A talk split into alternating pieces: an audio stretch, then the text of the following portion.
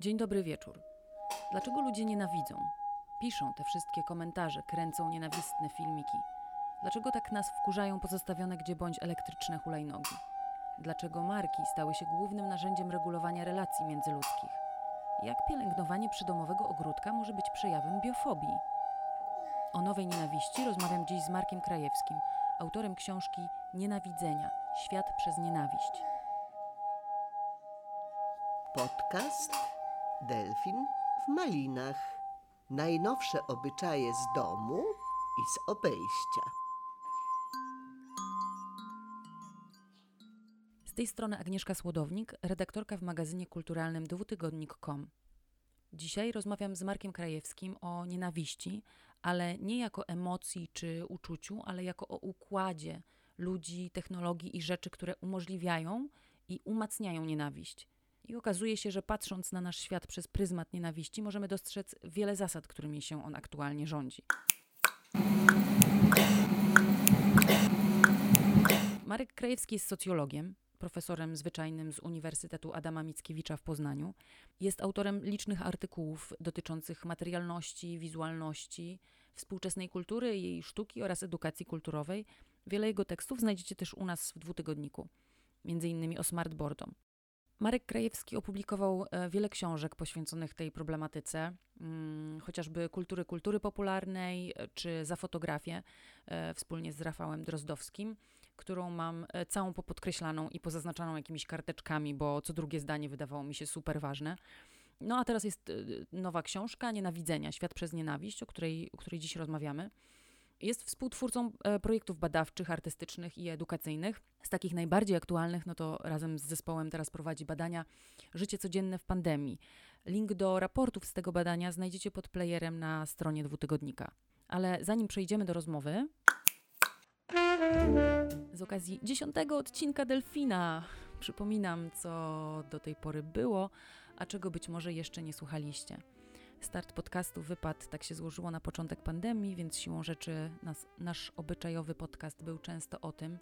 Pierwsze wrażenia były w pierwszym odcinku. E, mówił o nich bardzo fajnie Michał e, Wiśniewski, e, Aldona Kopkiewicz i Maciej Wasielewski o akcji Niewidzialna Widzialna Ręka. Koncerty pandemiczne, gadaliśmy o tym w drugim odcinku strategię przetrwania na kwarantannie piątym odcinku, y, który nosi tytuł Areszt domowy. Z innych przyjemnych rzeczy w trzecim odcinku rozmawialiśmy o depresji klimatycznej, zwanej też e, solastalgią. W czwartym odcinku o protestach w Białorusi i w Polsce, a w ósmym o wypaleniu aktywistycznym, o sposobach wyłapania go, ale też o zapobieganiu. E, cały czas aktualny odcinek, myślę. W ramach programu artystycznego Maria Magdalena Kozłowska zrobiła dla nas dwa słuchowiska. E, kojącą medytację na czas pandemii znajdziecie pod koniec odcinka pierwszego, a podnoszącą na duchu bajkę o lepszym jutrze w odcinku siódmym. No ale dobrze, dobrze, już przejdźmy do nowego odcinka.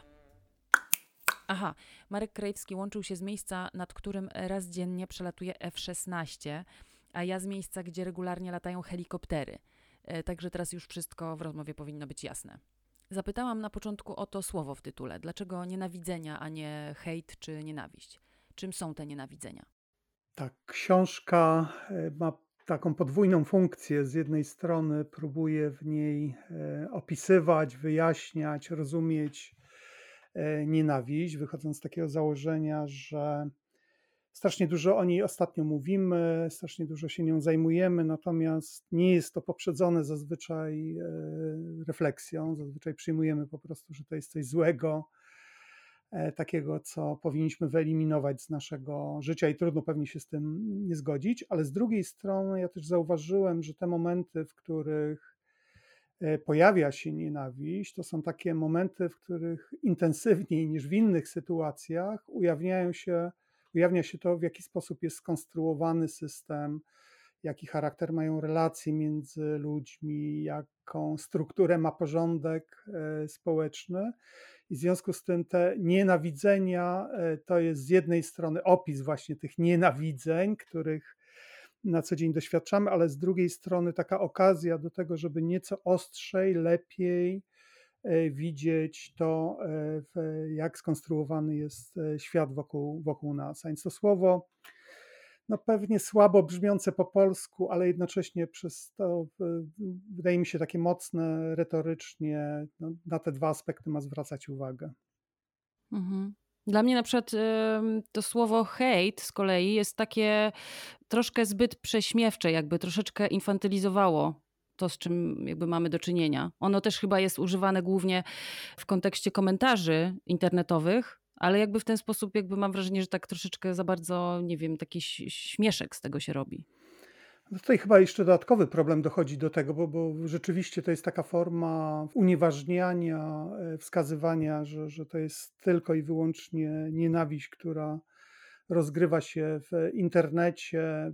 Przez długi czas sieć była e, utożsamiana z specyficznymi kategoriami jednostek, a więc z jednej strony z geekami, z drugiej strony z ludźmi młodymi, a więc no, trochę enklawizowano po prostu tę nienawiść, która, która e, pojawia się, pojawia się w, w sieci, ale z drugiej strony to e, słowo hate, ono, ja go bardzo rzadko używam, najczęściej w cytatach, albo dziś pomiędzy wierszami, ono jest dla mnie też synonimem takiej walki z nienawiścią, która jest przeciwskuteczna, ponieważ e, najczęściej takie piętnowanie właśnie tych nienawistnych zachowań, określone jako walka e, z hejtem, ono sprowadza się do leczenia jakichś przejawów nienawiści, do czegoś, co jest tylko i wyłącznie skutkiem e, głębszych zjawisk. Nigdy nie trafiamy do tego, co było ich sednem, a co więcej, poprzez to najczęściej piętnujemy osoby, które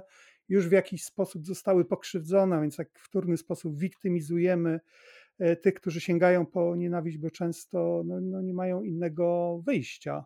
Nie chcę w ten sposób oczywiście bronić e, tego typu e, zachowań, natomiast wydaje mi się, że przynajmniej część z nich bierze się jednak z tego, że mam, że żyjemy w źle skonstruowanym e, systemie, że cierpimy, część z nas cierpi z powodów deficytów sprawstwa, e, podmiotowości, że, że jest zablokowanych mnóstwo kanałów artykulacji różnego rodzaju e, roszczeń wobec systemu albo roszczeń wobec innych. Często ta, ta nienawiść jest taką ostatnią deską ratunku, po którą się sięga takim zabiegiem komunikacyjnym, który, co do którego mamy pewność, że on zwróci uwagę e, innych, ale raz jeszcze, no, no, który stosujemy, dlatego że nie ma innego wyjścia po prostu. A jeżeli możemy powiedzieć, że w tej książce rozpatrujesz nową nienawiść, to jak się ona różni od starej? Tak, ona ma, y, mm, to, to nie jest moje określenie, to jest określenie bodajże Goldwaga, który zwrócił uwagę, że e, ta nienawiść, z którą mamy dzisiaj do czynienia, on ma na myśli ostatnie dwie, dwie, dwie i pół e, dekady, ona ma mm, nieco nową jakość.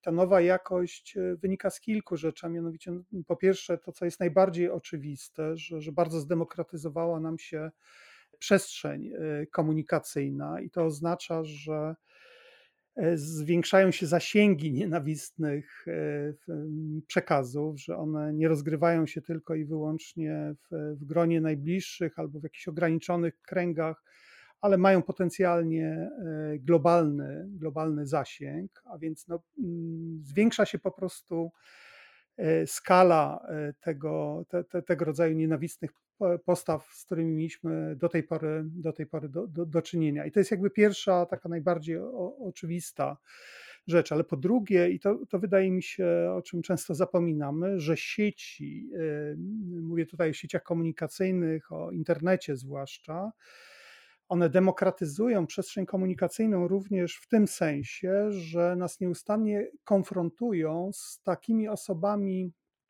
od których byliśmy dotąd odcięci różnego rodzaju granicami społecznymi. One po prostu nie przynależały do y, naszych, do naszych kręgów. E, ja to nazywam w tej książce za Sloterdijkiem no, niechcianym sąsiedztwem. Rzeczywiście sieć jest tak skonstruowana, że ona nas nieustannie zmusza do tego, żebyśmy E, wysłuchiwali komunikatów takich osób, które niezbyt cenimy, e, które nie należą do naszych kategorii, które mają całkowicie sprzeczne z nami poglądy. No i ponieważ pomiędzy nami istnieje dystans, no to jedyną formą reagowania na to niechciane sąsiedztwo są właśnie takie nienawistne komentarze. Po trzecie, wydaje mi się, że ta podstawowa zmiana związana z nową nienawiścią wynika również z tego, że ona pojawia się w takim momencie, w którym tym podstawowym zasobem, o który zabiegamy wszyscy, poczynając od y, ogromnych y, korporacji, a kończąc na, na każdym z nas, to jest uwaga, y, zdolność do jej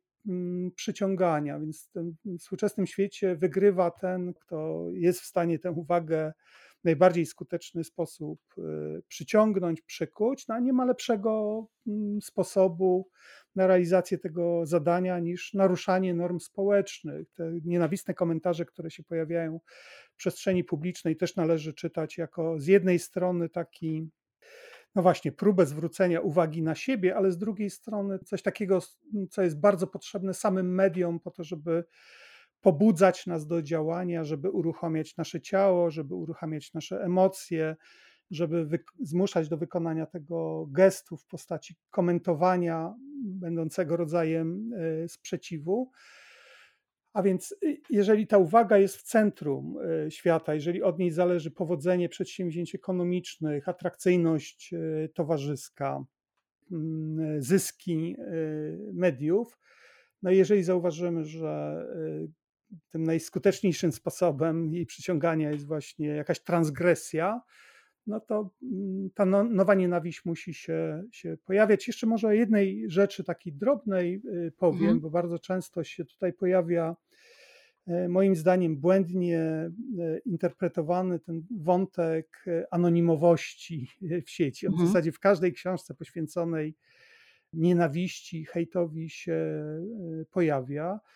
Ja uważam, że no, po pierwsze no, naiwnym jest e, stwierdzenie, że my jesteśmy anonimowi e, w sieci, a więc, że ta anonimowość wcale nie jest tym głównym powodem, dla którego my hejtujemy. Tutaj raczej chodzi o to, że to, ta dostępność innego za pośrednictwem obrazu, tekstu, ona pociąga za sobą pewnego rodzaju ubóstwo interakcyjne ona prowadzi do tego, że nie jesteśmy w stanie prawidłowo rozpoznawać e, emocji, tak jak dzieje się to wówczas, kiedy rozmawiamy e, twarzą w twarz. Nie jesteśmy w stanie rozpoznawać szkód albo takich bolesnych reakcji, na które, które są konsekwencją e, naszych, naszych działań. A więc ten, ten nowy kontekst komunikacyjny raczej w tym sensie niż, niż poprzez skazanie właśnie na anonimowość przyczynia się do intensyfikowania nienawiści. Słuchacie Delfina w Malinach. Rozmawiamy o najnowszych obyczajach. Ale to ciekawe, y, co mówisz o tym e, o skonstruowaniu sieci jako takiego, takiej przestrzeni, w której jesteśmy stale konfrontowani z czymś, co nie wiem, czego nie poważamy, czego, z czym nie chcielibyśmy e, mieć do czynienia, gdzie to sąsiedztwo jest właśnie niemile widziane, e, bo często jest tak, że jak się mówi, nie wiem, na przykład o Facebooku, to mówi się o miejscu, które ma być przyjemne, E, gdzie mamy się nie konfrontować, a jednocześnie y, zupełnie nie jest to miejsce przyjemnościowe. No tak, no, wszelkie media społecznościowe i te nowe media, one są w, no, zupełnie inaczej jednak skonstruowane niż, niż y, stare media. Te, te, te pierwsze, te tradycyjne miały nam dostarczać rozrywki, miały formować jakiś wspólny światopogląd dla nas wszystkich, miały nam narzucać podobne ideologie, pewne Mm, wspólne ramy postrzegania e, rzeczywistości. Mam wrażenie, że zadaniem tych nowych jest coś zupełnie innego, a mianowicie one żyją z tego, że nas wprowadzają w taki stan rozdrgania, e, że nas e, nieustannie mobilizują do tego, żebyśmy do jakiejś aktywności, do komentowania, do szerowania, do lajkowania, do oburzania się, do przekazywania czegoś dalej, do donoszenia zmienia się ich całkowicie funkcja i w tym kontekście jakby ta nienawiść i nienawistne teksty, które budzą tyle emocji, one są idealnym paliwem. To jest, to chcę powiedzieć, że e, trudno sobie wyobrazić nowe media bez nienawiści i, w związku z tym e, no, trzeba też wyraźnie powiedzieć, że walka z hejtem, choć szlachetna w swoich e, zamiarach, ona nieco pomija ten strukturalny element, to w jaki sposób te nowe media są skonstruowane, a więc gdybyśmy chcieli mm, skutecznie walczyć z nienawiścią, no to rzeczywiście musielibyśmy się w jakichś intranetach chyba zamknąć, tak naprawdę bardzo homogenicznych wewnętrznie pod względem społecznym i, i, w takich miejscach, w których y, ta konieczność zwracania uwagi, to pobudzenie nie jest już tak konieczne, żeby, żeby to było atrakcyjne. Mhm.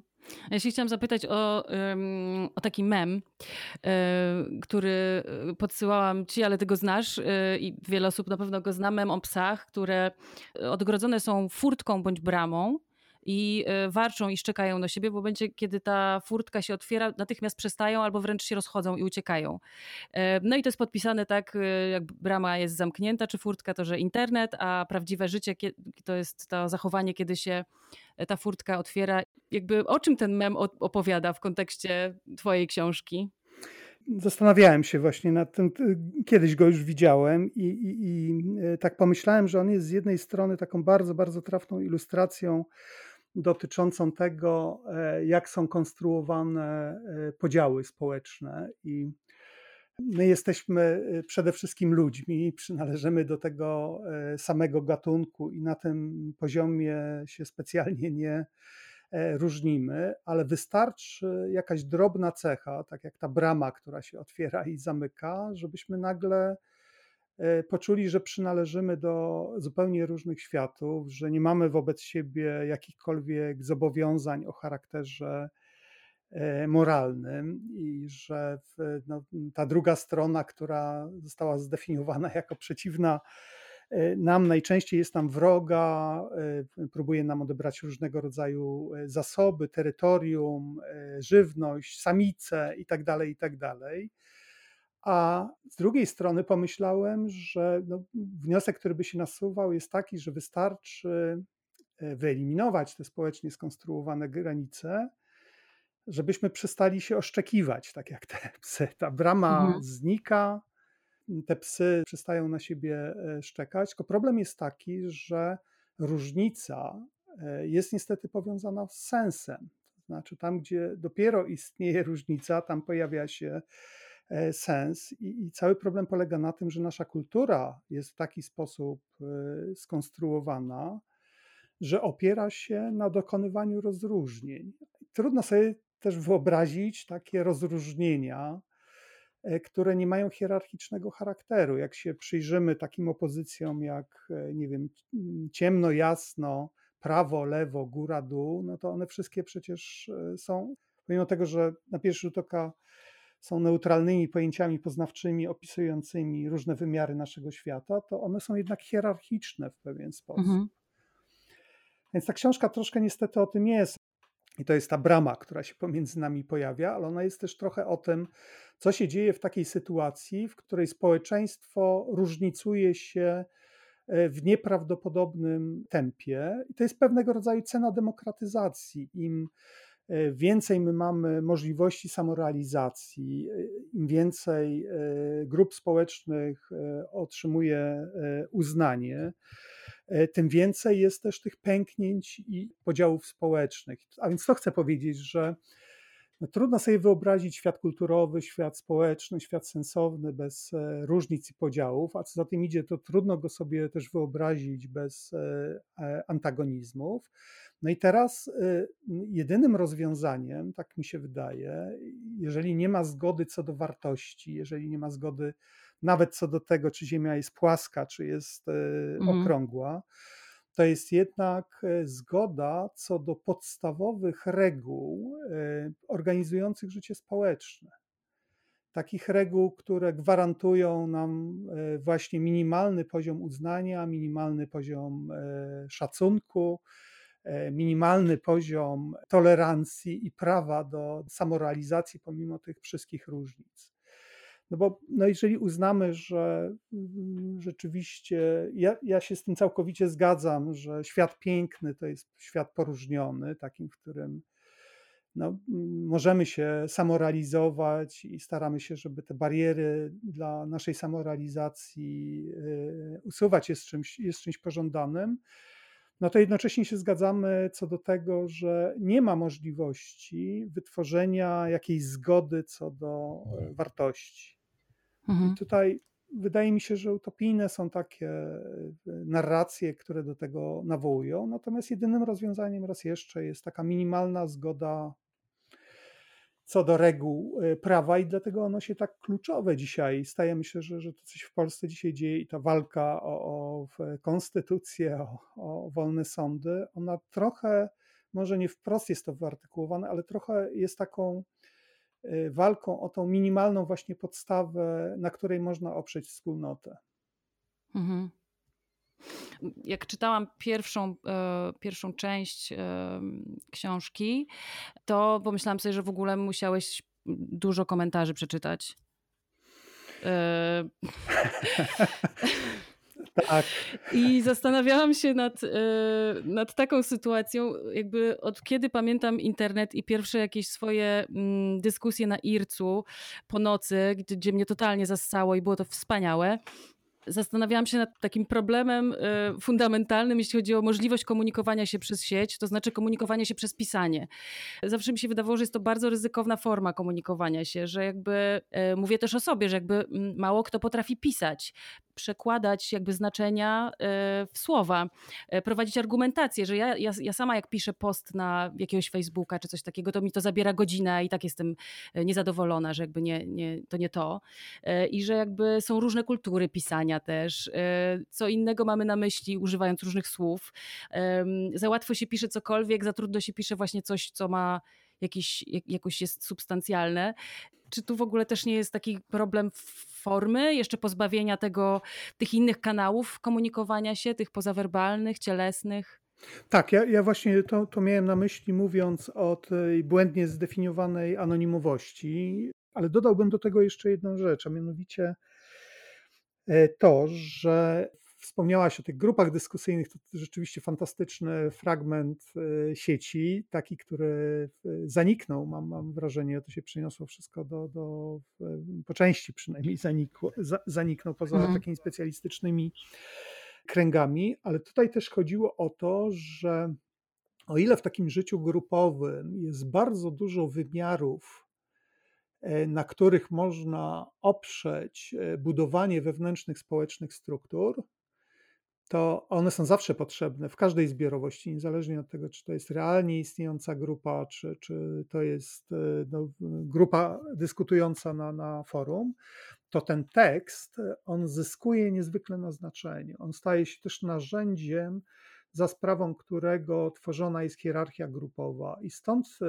no, mm, to, co nazywamy hejtem, e, to, co nazywamy trollowaniem, e, no, to są takie sposoby mm, pomagające właśnie, czy, czy uprawdopodobniające wejście w te struktury grupowe na wysokich pozycjach, przynajmniej jeżeli chodzi o zdolność do zwracania uwagi, a niektórym to absolutnie wystarcza. Także to jest jeszcze jeden, jeden wymiar tego, tego ograniczenia e, tej komunikacji do tekstu.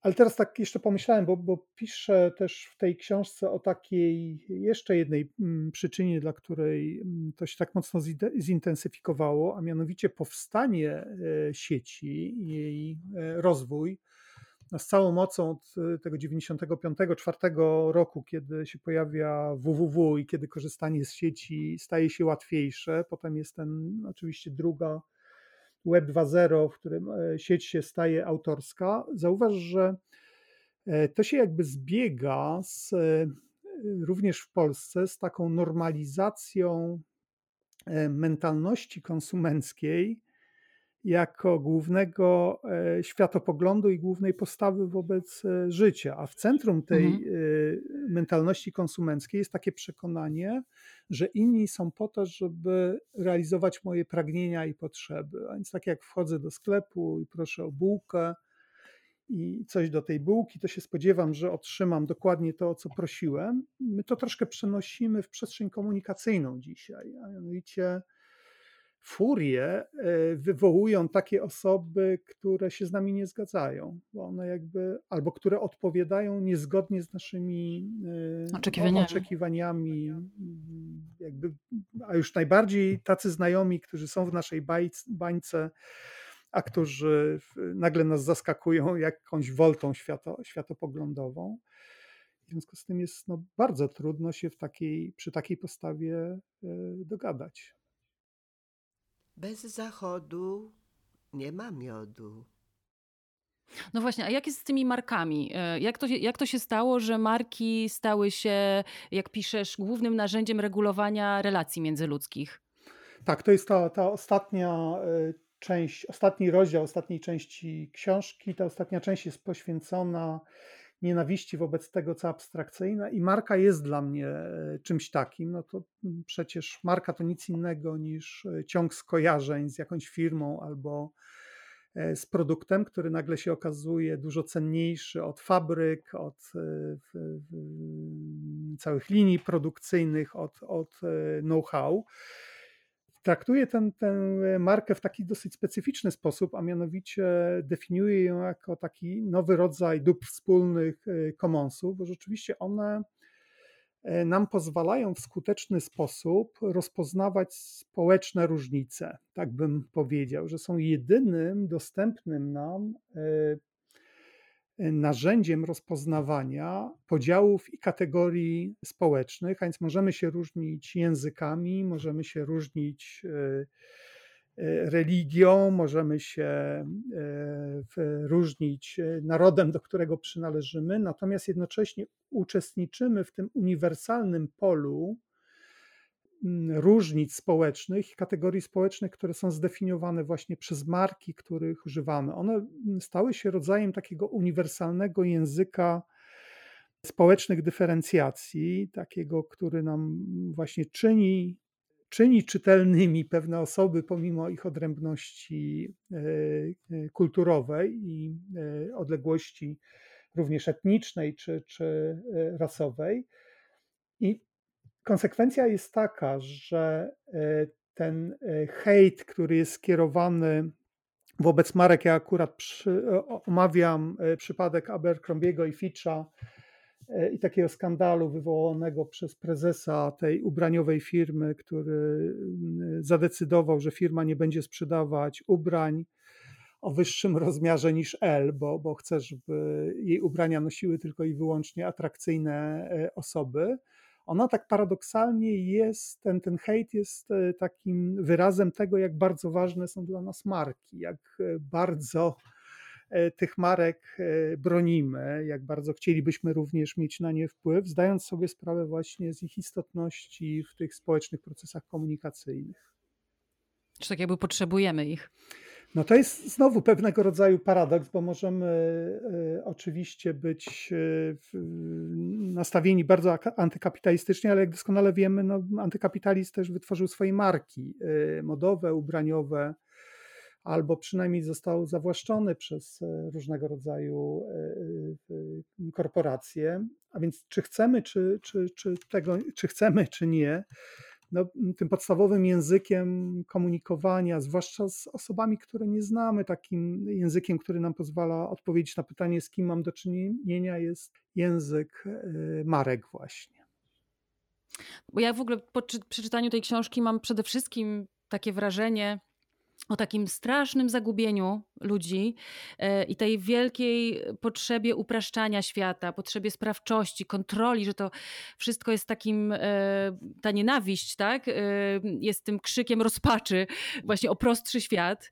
Nasze relacje z markami pokazują, jak właśnie potrzebujemy się ustawić, żeby to wszystko było bardziej przewidywalne i jasne, klarowne.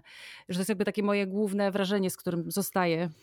Ja e, szczerze mówiąc, e, ostatnią rzecz, którą chciałbym zrobić w tej książce, to, to jest e, pouczanie kogokolwiek albo przypominanie mu o tym, że jest zagubiony. Ja tę książkę napisałem trochę dlatego, że no, sam miałem kłopot ze zrozumieniem tego plenienia się nienawiści wokół nas, ale rzeczywiście no, jest tak, jak powiedziałaś, i to jest bardzo niebezpieczne, y, bo mm, rzeczywiście taką najbardziej powszechną chyba reakcją na złożoność świata, a trudno no, zaprzeczyć, że ten dzisiejszy świat jest złożony, nieprzejrzysty, e, splątany, że jesteśmy w nim właśnie konfrontowani nieustannie e, z tą sytuacją niechcianego e, sąsiedztwa, to najprostszą reakcją na ten świat jest jego dychotomizacja to znaczy doprowadzenie do takiej sytuacji, w której nagle ta ogromna różnorodność zostaje zamieniona, podzielona na dwie części. My doskonale wtedy wiemy, e, kto jest kim, e, jakie są nasze zobowiązania moralne, co jest e, dobre, co jest złe. Natomiast warto pamiętać o tym, że ceną za ten spokój poznawczy jest jednak zdefiniowanie też świata w taki czarno-biały sposób, w taki bardzo apodyktyczny, w taki sposób, który wyklucza e, możliwość innego sposobu życia niż nas własny. I to jest chyba najbardziej tragiczne w tej sytuacji, że e, żyjemy w takim świecie, w którym część osób jest zmuszana do sięgnięcia właśnie po tą e, dychotomizację, za którą idzie nienawiść, że nie ma innego wyjścia, ale konsekwencją tego jest życie w coraz mniej przyjaznym świecie. No bo to jest przecież pozór E, też, że dzięki temu się czujemy bezpieczniej, przeciwnie, no, czujemy się nieustannie zagrożeni. Jedynym zyskiem jest to, że jakiś taki zgeneralizowany lęk e, przełożyliśmy na strach przed czymś bardziej e, konkretnym, a więc bolała nas zmiana, modernizacja, kosmopolityzm, to, że nie wiem, Polska się staje zachodnim krajem, to są wszystko abstrakcyjne rzeczy, bardzo łatwo to E, przełożyć na niechęć wobec e, lewactwa, e, wobec migrantów, wobec jakichś takich kategorii społecznych, które są bardziej uchwytne poznawczo, no ale no, ceną za to jest stworzenie takiego świata, w którym nie da się żyć tak naprawdę. Dwutygodnik. Napij się z naszego kubeczka. Wspieraj na Patronite ja bym chciała teraz zapytać o taką rzecz, bo ty tą książkę skończyłeś pisać e, z początkiem pandemii. Więc ja bym się chciała zapytać o biofobię.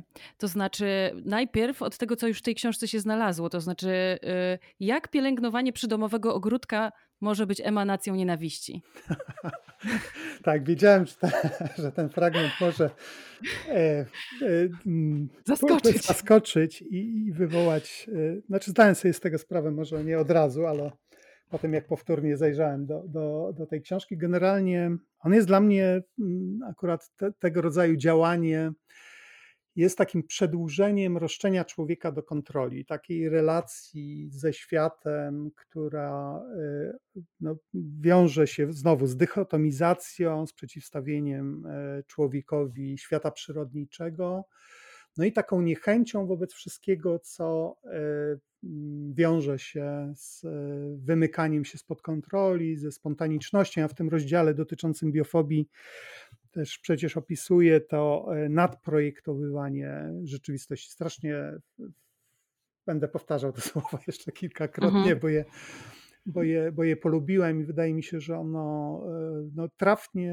odzwierciedla to, co się dzieje nie tylko w polskich miastach, ale wszędzie tam, gdzie pojawia się ta architektura o charakterze obronnym. Nie, mam, mam czasami wrażenie, że to jest wręcz e, pastwienie się nad, nad e, roślinami, próba e, objęcia ich taką no, ścisłą kontrolą. My to określamy, określamy mianem uprawy, pielęgnowania, ale przecież to jest tego rodzaju działanie, które jest takim rytuałem sprawstwa, w trakcie którego dowodzimy, E, że mamy kontrolę nad jakimś niewielkim, małym e, fragmentem e, rzeczywistości i niezależnie od tego, jak wielką przyjemność to przynosi, a przynosi to, wiem to z własnego doświadczenia, ogromną przyjemność, to ten syndrom takiej relacji panowania nad przyrodą tutaj się, tutaj się bardzo, bardzo mocno pojawia. No nie może być inaczej, o ile, nie wiem, przeddomowy trawnik zostaje zdefiniowany jako taki wskaźnik tego, na ile jednostka sprawuje kontrolę nad swoim własnym życiem. Znaczy, podobnie jak e, mówimy o osobie, e, która jest w jakiś sposób zaniedbana pod względem wyglądu, że się zapuściła, no to to samo mówimy o tych elementach, które tworzą y, fragmenty naszego, naszego, naszej prywatnej y, własności i traktujemy je jako części osoby. I tutaj jest jeszcze jeden wątek dotyczący tej, tej pielęgnacji. Nie wiem, czy zwróciłaś uwagę, jak e, w czasie pandemii nam pięknie miasta zarosły, mhm. bo nie było ludzi wydeptujących różnego rodzaju przestrzeni, zwłaszcza ta tak zwana ruderalna roślinność, która się pojawia dziś w szczelinach pomiędzy płytami chodnikowymi, przy krawężnikach. Ona szczególnie bujnie wtedy wyrosła, wtedy kiedy nie było E, ruchu. I nagle pojawił się taki dyskurs, e, który mówił, że z pytaniem, czy, czy te miasta mają gospodarza. Aha. Czy, czy tutaj jest ktoś, kto nad tym jeszcze e, sprawuje władzę. I to mnie uderzyło, że mhm. taka, taki drobiazg tak naprawdę, jakieś kępki trawy wyrastające pomiędzy szczelinami chodnika mogą zostać w ten sposób zdefiniowane jako taki podstawa do takiego uogólnionego przekonania, że miasto się wymknęło władzom miejskim spod kontroli i że one są złymi władzami miejskimi. No to jest no dosyć no tak. symptomatyczne dla tego, o czym, o, czym, o czym mówię, że to powiązanie kontroli z troską i z opieką, ono jest też takie bardzo, bardzo no, symptomatyczne, niebezpieczne z tego pewnie też powodu, bo my sobie nie możemy pozwolić y, z, tego, z, tej, z tej przyczyny na popuszczenie właśnie tej kontroli, na jakąś taką spontaniczność, na zezwolenie temu, co żywe, żeby się rozwijało w taki sposób, jak ma na to ochotę możesz żyć, ale tak jak ja ci powiem. I to też jest taki paternalizm, może y, ty to porównujesz tak. do tego, że nie wiem, kobieta może żyć tak jak mężczyźni usta y, ustalą to, dla niej ramy. Dzieci tak jak rodzice, a przyroda y, może, o ile będzie się słuchać. Tak jest. To jest dokładnie takie życie, życie w ramie wyznaczonej przez przez człowieka. I dosyć ciekawe jest dla mnie też to, że mm, rzeczywiście ta kategoria rytuału sprawstwa i zapytałaś o to, powiedziałeś, kiedy książkę y, skończyłem, a, a teraz jakiś taki nowy tekst zacząłem właśnie o takiej zajętości rąk y, w czasie, w czasie pandemii. I to mhm. jest też w kontekście rzemiosła e, i tego typu działań. I to jest też takie symptomatyczne, że, że część osób zwłaszcza dobrze wykształconych, y, mieszkających w dużych miastach, nagle rzuciła się w taki wir y, intensywnego robienia czegoś. Y, no, czy to, to miało oczywiście tak, to, to, to mhm. miało rzeczywiście też taką bardzo ważną funkcję terapeutyczną, bo przez to była zajęta też głowa, nie trzeba było myśleć o, o różnego rodzaju problemach, ale w tym trudno nie dostrzec również takiego rytuału sprawstwa, który udowadnia, że mam kontrolę nad jakimś małym fragmentem rzeczywistości, pomimo tego, że wokół tak. szaleje jakiś incydent, katastrofa, a ja jednak kontroluję swój świat, e, zachowuję się w sposób e, podmiotowy. To, to było bardzo, bardzo symptomatyczne i silnie widoczne, i to dodatkowo udowadniało też, że do czegoś jestem potrzebny, potrzebna, że jestem w stanie coś zrobić samodzielnie w takim sensie. Mhm. mhm. Zacząć przeprowadzić to po swojemu i skończyć. Tak jest. To skończenie mi się wydaje jakieś strasznie e, mocne w tak, tych okolicznościach. Tak, tak, tak, tak, tak. Rzeczywiście tak, tak, pełna zgoda. A jeszcze się chciałam zapytać, e, dlaczego nas tak wkurzają e, hulajnogi pozostawione, e, pozostawione gdzie bądź. Ja przeczytam fragment, gdzie ja tu mam, 157, bo to mnie zaskoczyło, ja nie wiedziałam o tym, że pojazdy te są niszczone, podpalane, wrzucane na drzewa, do rzek, jezior i stawów i zrzucane z dużych wysokości i jeszcze różne inne rzeczy się z nimi robi. Jak to? To rzeczywiście, to, to, to y, nawet nie moje słowa, tylko cytat y, z jakiegoś mhm. artykułu, który znalazłem, e, który podejmował ten problem. Nie tylko hulajnogi są niszczone, ale niszczone są też stacje ładowania elektrycznych pojazdów. Cały ten rozdział e, Różem w zawali drogę taki jest jego tytuł. On e, mówi o takiej niechęci wobec tego, co niemobilne, wobec tego, co uniemożliwia nam swobodę ruchu w takim świecie, w którym mobilność jest tym podstawowym zasobem. Bo zdolność do poruszania się, zdolność do przemieszczania się z punktu do punktu jest jednym z ważniejszych dzisiaj e, kapitałów. I to wszystko, co ten e, swobodny ruch e, uniemożliwia, więc na przykład te rozrzucone na ulicach e, hulajnogi, powodujące potknięcia, powodujące, że musimy nadłożyć drogi, one, one z tego powodu, to jest taki paradoks oczywiście, bo one służą przemieszczaniu się, ale kiedy są unieruchomione, to są niszczone i to jest jeden z elementów tej powodów tej niechęci, ale po drugie ja też doszedłem do takiego wniosku, który łączy te hulajnogi z kolei w Stanach Zjednoczonych była taka fala mm, zniszczeń dokonywanych na Teslach. E, bardzo często ich e, karoserie były zarysowywane. To jest z kolei taki wyraz e, niechęci wobec e, czegoś, co służy przemieszczaniu, co to przemieszczanie czyni e, przyjemnym, co jest no, no, zabawne, co jest nowością, ale co ze względów cenowych jest niedostępne dla wszystkich. A więc te, te hulajnogi są też niszczone jako takie dowody statusu, Mm, wskaźniki statusu, które, do których wszyscy nie mają dostępu ze względu na cenę ich używania. No, wypożyczenie hulajnogi dla części osób jest niedostępne po prostu ze względu albo na cenę, a dla tych najmłodszych ze względu na, na wiek, a jednocześnie obserwuje się ten cały fan, który towarzyszy przemieszczaniu się e, przy pomocy e, tego, tego urządzenia. A to nie jest też kwestia jakich, y, jakby kompetencji takich cyfrowych, że się nie wszyscy, nie, nie wszyscy wiedzą, jak, bo do tego trzeba mieć aplikację, prawda? Jakbyś tak. konto, podpiąć kartę kredytową, czy jakieś konto, że jakby do tego też trzeba być y, y, sprawnym y, w tym świecie. No pewnie tak, ale wydaje mi się, że możesz nie mieć racji, bo to by sugerowało, że te hulajnogi są niszczone przez seniorów głównie, a e, nie, nie, nie, nie wydaje Kto wie?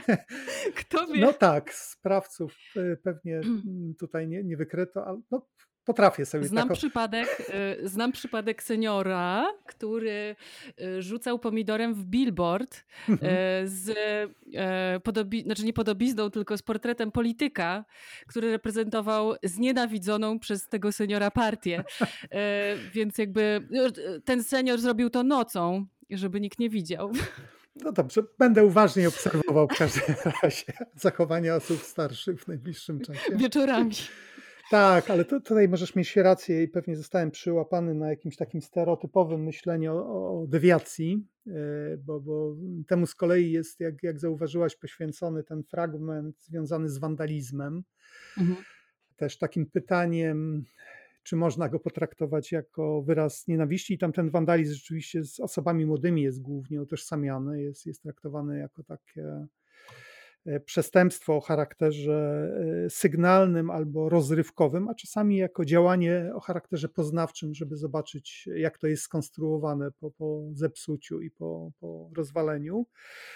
Także rzeczywiście no, możesz mieć rację, że to nie tylko że nie powinniśmy tego utożsamiać z ludźmi młodymi, bo, bo w ten sposób, e, no właśnie, tworzymy jakąś kolejną kategoryzację o charakterze dewiacyjnym. Przepraszam, czy to u ciebie F-16, czy u mnie helikopter? Mm, u mnie nie, nic nie leci. u mnie helikopter. U mnie nic nie leci.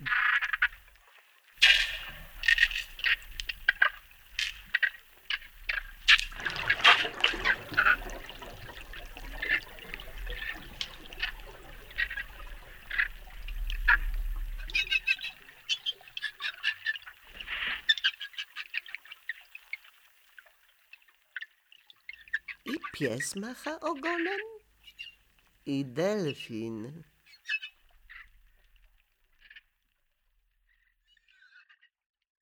Jeszcze chciałam y, zapytać o sztukę współczesną. Pojawia się historia o bananie, y, o tym y, jako no, o dziele sztuki, które zostało zjedzone przez innego artystę. Obiektem tego dzieła sztuki, które zostało zjedzone, właśnie był banan. I opowiadasz banan o takim. przyklejony do ściany taśmą. Taśmą, tak. Srebrną. Srebrną, tak. Mhm. Jakbyś mógł opowiedzieć, jakie są korzyści z nienawidzenia sztuki współczesnej i w ogóle jak, jakby, jaką rolę y, spełnia sztuka współczesna w systemie kapitalistycznym? Tak, rzeczywiście ten, ten rozdział w e, środkowej części książki, która jest poświęcona nienawiści e, wobec rzeczy, zatytułowany Znienawidzony banan, opisuje taką sytuację z targów sztuki w Miami, e, kiedy David Dantana zjadł e, dzieło Mauricio Catellana zatytułowane Komik. To się działo w 2019 roku, z tego co mm, pamiętam. po zjedzeniu tego dzieła ono zostało natychmiast odtworzone przy pomocy banana zakupionego w pobliskim supermarkecie, który no, został do ściany ponownie e, przyklejony.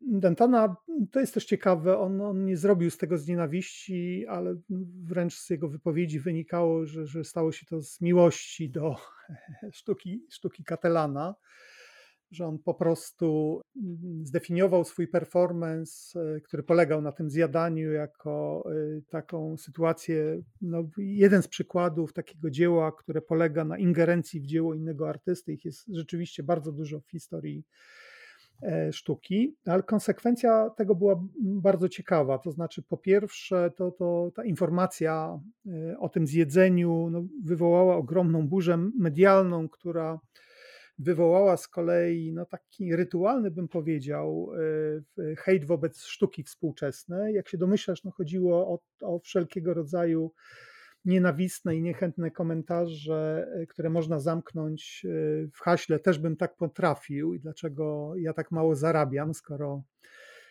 to, to dzieło mhm. kosztowało u wejścia chyba 130 tysięcy dolarów po tym incydencie o 30 tysięcy dolarów jego cena wzrosła, bodajże 5 prac, 5 edycji tego, tego dzieła e, e, sprzedano. Natomiast mi się mm, ten, ten przykład wydał taki ciekawy, jako e, takie miejsce, w którym rzeczywiście widać dwie rzeczy. To znaczy, po pierwsze, to, że nienawiść wobec sztuki tak paradoksalnie jest czymś oczekiwanym, E, i w dużej mierze mm, dokumentowanym, komercjalizowanym, e, jest po prostu formą tworzenia. E, tak, tak można by było to określić. Ale z drugiej strony też niesamowicie ciekawe mi się w tym wszystkim wydało wydały te wszystkie komentarze, które e, oponowały przeciwko temu niszczeniu, no bo mm, my oczywiście oczekujemy tego niszczenia sztuki, ale jednocześnie, zwłaszcza ta wykształcona część społeczeństwa, nienawidzi niszczenia e, sztuki. I je e, z kolei potępia jako taki akt, który no, niszczy efekt cudzej pracy jako coś, co przerywa dialog e, rozpoczęty przez artystę takim kategorycznym mhm. zniszczeniem, jako coś, co jest oparte na jakichś niskich pobudkach, mających e, uwagę, zwrócić tylko i wyłącznie uwagę na tego, który tego zniszczenia e, dokonuje. Wniosek e, byłby taki, że niezależnie od tego, jak na to spojrzymy, tutaj akurat ta nienawiść ujawnia się jako taki bardzo ważny środek produkcji wartości. I, niezależnie od tego, jak to, na to spojrzymy, to ta, ten wzrost cen e, komika, który następuje na skutek e, całego tego zamieszania, on jest, on jest dosyć znaczący. Nie chcę przez to oczywiście powiedzieć, że to jest jakieś wykalkulowane działanie, ale ten e, świat sztuki jest tak skonstruowany, że on e, to, to zainteresowanie poszczególnymi dziełami też no, wynika właśnie z takiego społecznego pobudzenia, które się z nimi wiąże, a więc w pewnym sensie e, ono, ono, działa, ono działa na korzyść. Po roku, prawie roku pandemii i już po studniach, ponad studniach strajku kobiet, zastanawiam się nad takim e, epilogiem. Co byś teraz dopisał do tej książki w tym kontekście? Ja bym powiedział, że, że te ostatnie pół roku, zwłaszcza jeżeli chodzi o te masowe protesty, one e, pokazały tak naprawdę, e, albo wzmocniły to, o czym piszę na, na końcu tej książki, że powodem nienawiści, powodem podziałów, dychotomizacji, i tutaj bardzo mocno też chciałbym y, podkreślić, że używając słowa nienawiść, też w tej książce bardzo różnicuję taką nienawiść, która ma charakter instrumentalny, która ma na celu zdobycie y, władzy poprzez dychotomizowanie albo zdobycie poparcia poprzez y, prowokowanie nienawiści u tych, którzy E, są niepewni swojej pozycji w świecie i takiej nienawiści, która ma charakter reakcyjny, to znaczy jest reakcją na nienawiść. Warto o tym powiedzieć, bo, bo czymś złym by się stało, gdybyśmy.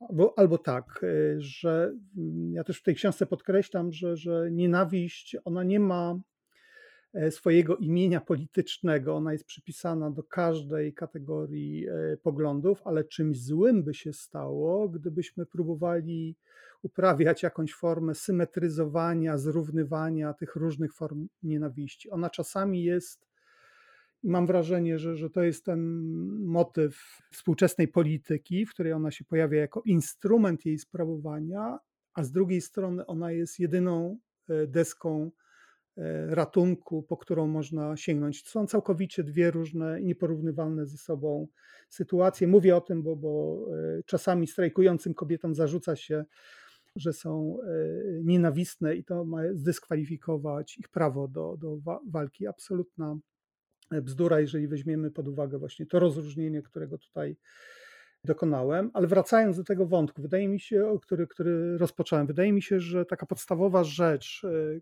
którą te ostatnie miesiące tylko i wyłącznie wzmocniły, to jest taka świadomość, że nienawiść nie wynika z tego, że coś złego się stało z nami jako ludźmi, że podziały społeczne nie pojawiły się dlatego, że coś złego stało się ze, ze społeczeństwem, ale te przyczyny e, tych zjawisk, których dzisiaj doświadczamy, są na troszkę innym poziomie, na takim poziomie, w którym odbierane jest nam prawo artykulacji poglądów, w których istnieje zbyt duża dysproporcja władzy, w których odbiera się nam możliwość e, sprawczego działania i wpływu na rzeczywistość e, e, społeczną. Ja myślę, że ta furia, która towarzyszyła strajkom kobiet, tak bardzo odpowiadająca sytuacji, które, którą to, to, to wszystko wywołało, ona jest najlepszym dowodem no, na poparcie mojej tezy, tak, że to nie jest przecież rodzaj takiego nagłego zachorowania na coś wszystkich, tylko reakcja na pewnego rodzaju niedowłady y, struktury społecznej, w obrębie której funkcjonujemy. Fascynujące było to, co się jakby wydarzyło z, e, z przekleństwami. To znaczy, jak bardzo mocne było to i uwalniające. Po reakcjach y, takich pełnych paniki z, z, tej drugiej strony i próby takiego unieważniania E, strajku kobiet właśnie poprzez skazanie na tę, na tę wulgarność rzekomą, no to w, e, wydaje mi się, że to było niezwykle też skuteczne. Oprócz tego, że odegrało właśnie tę, tę rolę, że pozwalało odzyskiwać e, poczucie sprawstwa, wpływu, artykulacji, ale też no, to, to była walka z taką dusznością, prawda, którą, w której mhm. ostatnio funkcjonowaliśmy. Ja mogę powiedzieć jako mężczyzna, że, że ona dotyka bardzo kobiety, ale jest też, no, wykracza poza płeć oczywiście, mhm. bo, bo wszyscy od kilku lat, y, część z nas, a tak, część z nas ma, ma takie poczucie właśnie duszności narastającej, braku wpływu, niemożliwości artykulacji. Także, także rzeczywiście no, pełna, pełna zgoda co do tego, że tak można i mm, to interpretować. Posłuchaj innych naszych podcastów na stronie dwutygodnik.com, soundcloud.com i na smartfonie w Twojej ulubionej aplikacji. Czy taką książkę y, trzeba trochę odchorować, czy y, jako badacz y, i akademik y, jakby masz taką, y, takie oddzielenie y, jakby tego obiektu badania od siebie samego?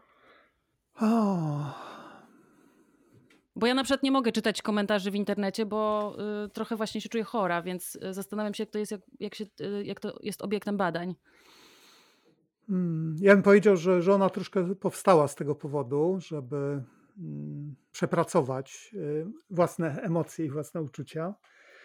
Y, wobec tego oczywiście te komentarze, ta pierwsza część książki może była dla mnie szczególnie Y, trudna, bo no, ten pierwszy przypadek, no taki incydent, jakich wiele niby, mm, dotyczący tej bójki w, w ceglance w jednej ze szkół, w takim ogromnym e, technikum. Ja dosyć długo z nim chodziłem, tak naprawdę. Wielokrotnie ten, ten film oglądałem i, i odczuwałem to samo, co mm, pojawiło się w finale tego rozdziału, a mianowicie taką ogromną bezradność e, wobec, e, wobec tej sytuacji, wobec takiej otwartej przemocy, która pojawia się jako reakcja tak naprawdę na jakiś drobny incydent na szkolnym korytarzu. Tam chodziło o to, że, że y, jedna dziewczyna, nastolatka, e, popchnęła drugą, nie przeprosiła, umówiły się na ustawkę pod, pod szkołą. To wszystko zostało sfilmowane przy kibicujących e, tej bójce widzach. Podobnie muszę powiedzieć, że, że ogromne wrażenie na mnie zrobił ten przykład z tym filmem tej studentki Uniwersytetu Medycznego w Olsztynie, która nagrała ten taki nienawistny film wobec Ukrainki, z którą podróżowała i której walizka nie pozwoliła jej na wyciągnięcie nóg, a ona wykupiła dwa miejsca specjalnie po to, po to w pociągu, to, to muszę powiedzieć, że w wypadku tych dwóch sytuacji było bardzo długo je pisałem, bardzo długo się zastanawiałem, jak to zinterpretować, żeby też oddać żeby nie piętnować tych, tych osób, no bo cała książka jest jakby próbą no, pokazania, że, że my jesteśmy dobrzy po prostu z natury, tylko funkcjonujemy w, w źle skonstruowanym systemie. Wiesz co, nie, nie jestem w stanie jednoznacznie na to pytanie odpowiedzieć, bo niektóre z tych przykładów mnie bawią wręcz i, i w, tak jak w wypadku tej pestki słonecznika mm -hmm, tak, na, na przykład, gdzie, gdzie ta rzucona pestka słonecznika staje się podstawą. Bo to była jedna pestka słonecznika, tak, prawda? rozpraw sądowych e, e, toczących się przez lata, ale też takiego bardzo, nie wiem jak to nazwać, tym co mnie zafascynowało w tych nienawistnych komentarzach wobec tej sytuacji, to były takie bardzo subtelne rozróżnienia, co jest śmieciem, a co, mhm. E, co nie. Czy, czy rzucona przez kibica przed meczem pestka słonecznika to jest śmiecenie, a czy kwiatki rzucane przez dziewczynki w czasie procesji Bożego Ciała albo liście spadające z drzewa można uznać, uznać za, za śmiecie. Ta śmiecąca przyroda. Tak, Dobrze, ta... że ją trzymamy w ogródkach. No, więc właśnie mamy grabie i dmuchawy, żeby tego się wszystkiego e, pozbyć. Także niektóre z tych przykładów, które, które rozważam, one budziły uśmiech na twarzy, fascynowały e, taką, bym powiedział, zdolnościami kategoryzacyjnymi, też e, bardzo subtelnymi rozróżnieniami, których dokonywali komentujący, a niektóre, no tak jak te dwa przypadki, były, były bardzo, bardzo przerażające. Mhm. No dobrze, to ja, y, ja dziękuję i chyba ja bym jakby tutaj pozostała na tej, e, z tą puentą, że jesteśmy jednak dobrzy. No, ja, się, ja się tego. W, Potrzebujemy tego bardzo. Tak, ja się tego przez całe życie trzymam. Polecam Państwu tę pod, po, po, postawę również. Delfin w Malinach również poleca i dziękuję serdecznie. Bardzo dziękuję.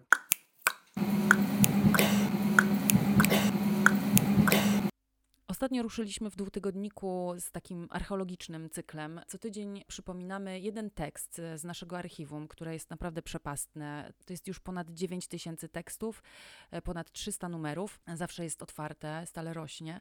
E, I co tydzień teraz wybieramy dla Was najciekawsze, ważne teksty, albo nadal aktualne, bądź pokazujące, co się zmieniło przy okazji minus 11 stopni yy, przypomnieliśmy na przykład tekst Iwony Kusz o zimie stulecia. Yy, to był dzień, kiedy autorka, najprawdopodobniej wtedy w jej życiu miał miejsce dzień rybek, zasnęły i już nie miały się obudzić. Yy, w akwarium przestała działać grzałka, a w mieszkaniu kaloryfery.